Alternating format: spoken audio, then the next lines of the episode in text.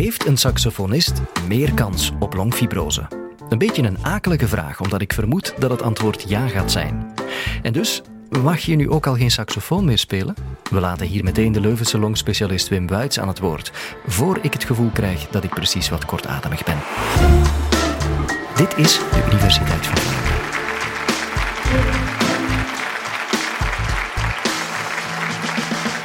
We gaan het hebben over longfibrose, over longen, over lucht. En lucht is leven. We zijn ons daar niet altijd van bewust.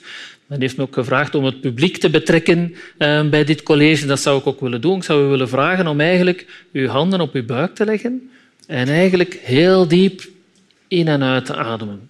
Nee, u bent niet in een college over yoga verzeild geraakt. Het gaat hier effectief wel over longfibrose.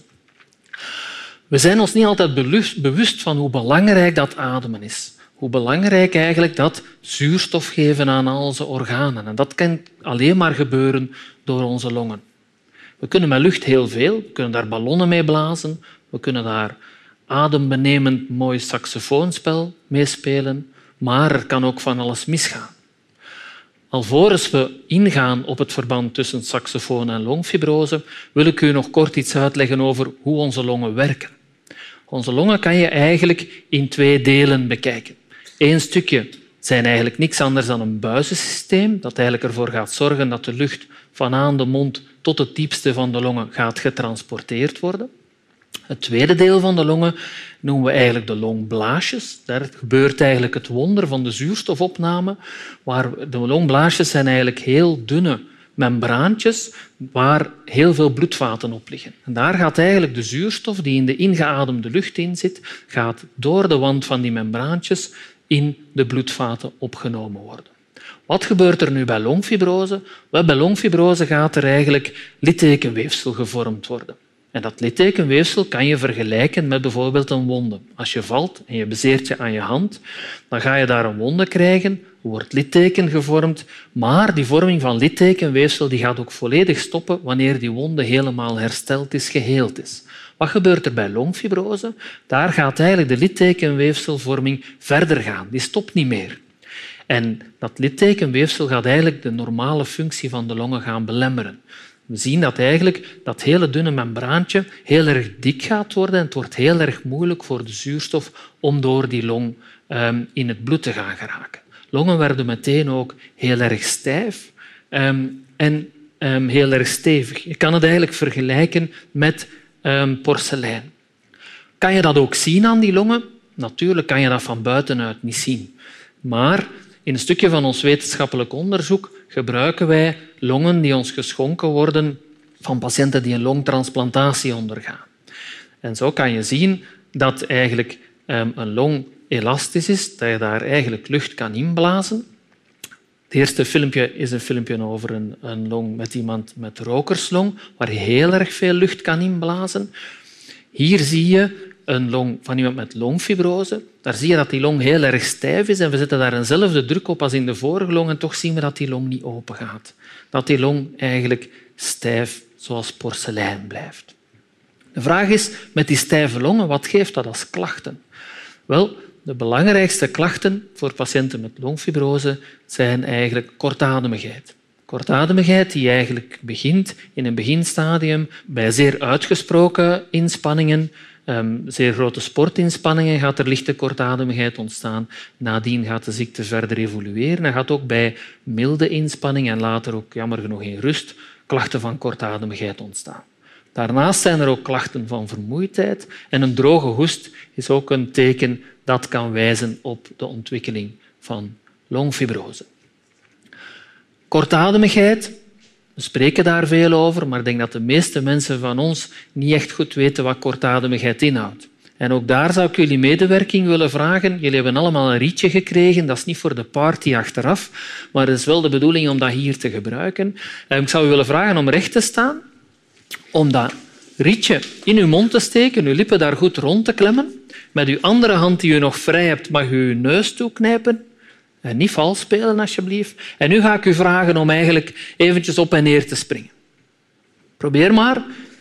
Je gaat voelen dat je eigenlijk luchttekort komt. Stop maar. Dat is eigenlijk het gevoel dat onze patiënten met longfibrose hebben. In het begin bij zeer zware inspanning, maar nadien ook spijtig genoeg in rust. Dat is waar onze patiënten met longfibrose mee moeten leven.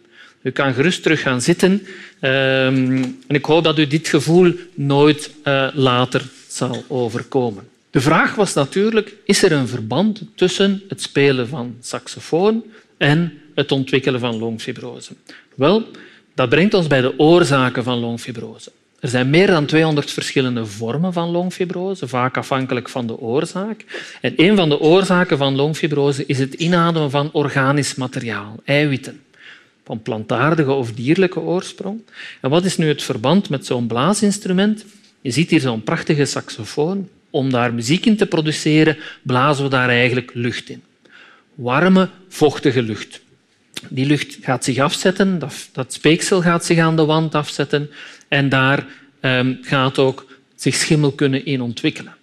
Die schimmel wordt massief verspreid door het blazen op het instrument en um, wanneer de muziekspeler inademt, gaat hij eigenlijk massief blootgesteld worden aan deze schimmel. Dat hoeft niet alleen een saxofoon te zijn, het kan ook in andere blaasinstrumenten zijn, maar dat hoeft niet alleen bij muziekinstrumenten te zijn. Wanneer je woont in een vochtige woning of een woning waar een lekkage is in het dak, waar um, isolatiemateriaal beschimmeld is en je slaapt daaronder, dan word je ook massief blootgesteld aan die organische componenten. Andere oorzaken um, van longfibrose uh, waren vroeger bijvoorbeeld uh, mijnwerkers die aan koolstof blootgesteld worden, de zogenaamde um, stoflong, of duivenmelkers die eigenlijk blootgesteld worden aan eiwitten uit de veren of uit de uitwerpselen van duiven. Ook dat kan longfibrose veroorzaken. Een andere vorm van longfibrose is longfibrose als gevolg van een andere onderliggende ziekte, bijvoorbeeld gewrichtsreuma. Systeemsclerose zijn aandoeningen die de gewrichten kunnen aantasten, die heel veel problemen geven met patiënten met gewrichtsreuma. Maar het grootste probleem is de ontwikkeling van longfibrose. Want dat is eigenlijk waar die patiënten um, uiteindelijk later zouden kunnen aan overlijden. Dat wordt jammer genoeg vaak nog gemist. Wanneer er geen oorzaak gevonden wordt voor de longfibrose, dan spreken we over idiopathische longfibrose, de meest agressieve entiteit en jammer genoeg ook de meest voorkomende. Als we kijken naar longfibrose als groep, dan gaan we eigenlijk vanuit dat in België jaarlijks tussen de 1000 en de 2500 mensen longfibrose ontwikkelen. We weten dat er ongeveer jaarlijks in België ongeveer duizend patiënten met idiopathische longfibrose overlijden. En als we de groep als geheel nemen, is het waarschijnlijk een veelvoud van die cijfers. We zien ook dat de laatste dertig jaar het voorkomen van die ziektes fors is toegenomen. Daar zijn verschillende redenen voor. Een van de redenen is mogelijk dat de bevolking veroudert. Een andere reden kan zijn dat er een betere detectie is van de ziekte, hoewel we toch nog vaak zien dat de ziekte vaak te laat wordt opgepikt. En er wordt ook gespeculeerd dat luchtverontreiniging mee een rol speelt in het frequenter voorkomen van die vormen van longfibrose. Wanneer we het hebben over de behandeling van deze ziekte, dan is er al heel wat geëvolueerd in de laatste jaren. Gelukkig ook. Is een dramatische ziekte en dankzij wetenschappelijk onderzoek zijn er meer en meer mogelijkheden om die patiënten te behandelen. Dat um, is extreem belangrijk. Het is ook extreem belangrijk om te kijken of er een oorzaak gevonden wordt. En dan spreekt het vanzelf, als bijvoorbeeld de saxofoon de oorzaak is, dat de oplossing is het toestel grondig te gaan reinigen.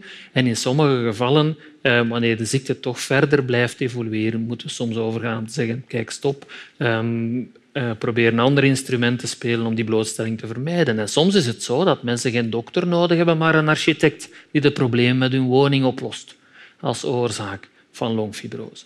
Voor idiopathische longfibrose, zoals gezegd de meest agressieve vorm, daar bestaan heel specifieke en heel krachtige medicijnen voor, die sinds een paar jaar op de markt zijn en die ziekte kunnen stabiliseren.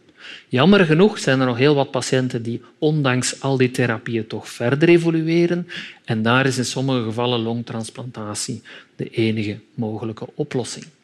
De diagnose is extreem belangrijk. Waarom is dat zo belangrijk? En liefst ook een vroegtijdige diagnose, omdat, zoals al gezegd, de ziekte onherstelbare schade geeft. Ook de behandelingen kunnen de ziekte niet terugdraaien. Daarom is het belangrijk om dat bij klachten van kortademigheid te denken aan longfibrose. Wanneer de arts luistert naar de long en hij hoort een geluid op beide longen dat uh, vergelijkbaar is met het openen van een velcro-sluiting, zoals je dat op schoenen kan vinden, uh, dan moet er zeker gedacht worden aan de mogelijkheid van uh, longfibrose. Voor de echte diagnose te kunnen stellen is meer specialistisch advies nodig. Daarvoor moet u bij de longarts zijn om dan verder te kunnen differentiëren van welke van de 200 verschillende entiteiten van longfibrose is het hier, is het eigenlijk aan te raden om in een gespecialiseerd team te gaan, want zelfs een longarts, zelfs expert in interstitieel longlijden, is niet in staat om een diagnose te stellen. Je hebt daar een heel team van experten voor nodig die alle verschillende gegevens gaan bekijken en samen gaan bespreken en zo tot een diagnose komen. Longfibrose is een ernstige ziekte. Ik zou er zelf nooit willen mee geconfronteerd worden. Maar gelukkig wordt er ook heel veel inspanningen gedaan wereldwijd om wetenschappelijk onderzoek te stimuleren en te zoeken naar welke mechanismen liggen aan de basis van deze ziekte. Ook in het labo longziekte aan de KU Leuven doen wij onderzoek naar deze aandoeningen. En zoals jullie daar straks al gezien hebben, wij krijgen um, zieke longen um, gedoneerd van patiënten die longtransplantatie ondergaan. En daar werken we vooral op. Wat we gaan doen is die longen opblazen, zoals u gezien hebt. We gaan eigenlijk die longen gaan bevriezen. Dan gaan we daar een normale CT-scan van maken. Dan gaan we die longen gaan bewerken. We gaan die in verschillende schijven gaan snijden. En dan proberen we uit die schijven eigenlijk een cilindertje te boren. Deze techniek is eigenlijk afkomstig uit Canada en werd initieel toegepast bij patiënten met rokerslong. En dat was vrij eenvoudig om daar cilindertjes uit te boren. Met een gewone appelboor werd dat daar gedaan. Bij onze fibrotische, heel stijve, harde longen was dat onmogelijk en zijn wij op zoek moeten gaan naar een industriële boor om dat te kunnen doen. En zo ziet eigenlijk zo'n cilindertje longweefsel eruit nadat het um, opgeblazen is um, en, en bevroren is. Wat doen we daar dan mee? Dit stukje weefsel steken we eigenlijk in een speciaal soort scantoestel dat um, ongeveer duizend keer meer detail kan geven dan een klassieke CT-scan. En daar proberen we mee te achterhalen hoe dat de evolutie van deze ziekte is. Hoe de ziekte evolueert in de longen, in meer aangetaste zones, maar ook in zones waar de ziekte nog minder prominent aanwezig is. We zijn ook heel blij met de samenwerking die we hebben, want de resultaten die wij eh, ontwikkelen worden verder geanalyseerd, deels in Vancouver, in Canada, en deels in Yale, uh, in, de, in de United States. Ter conclusie wil ik eigenlijk eh, nog eens herhalen dat longfibrose een ernstige ziekte is. Het is een ziekte waar littekenweefsel gevormd wordt dat het normale longweefsel onherstelbaar gaat beschadigen. Het is heel belangrijk om eraan te denken als mensen klachten van kortademigheid vertonen.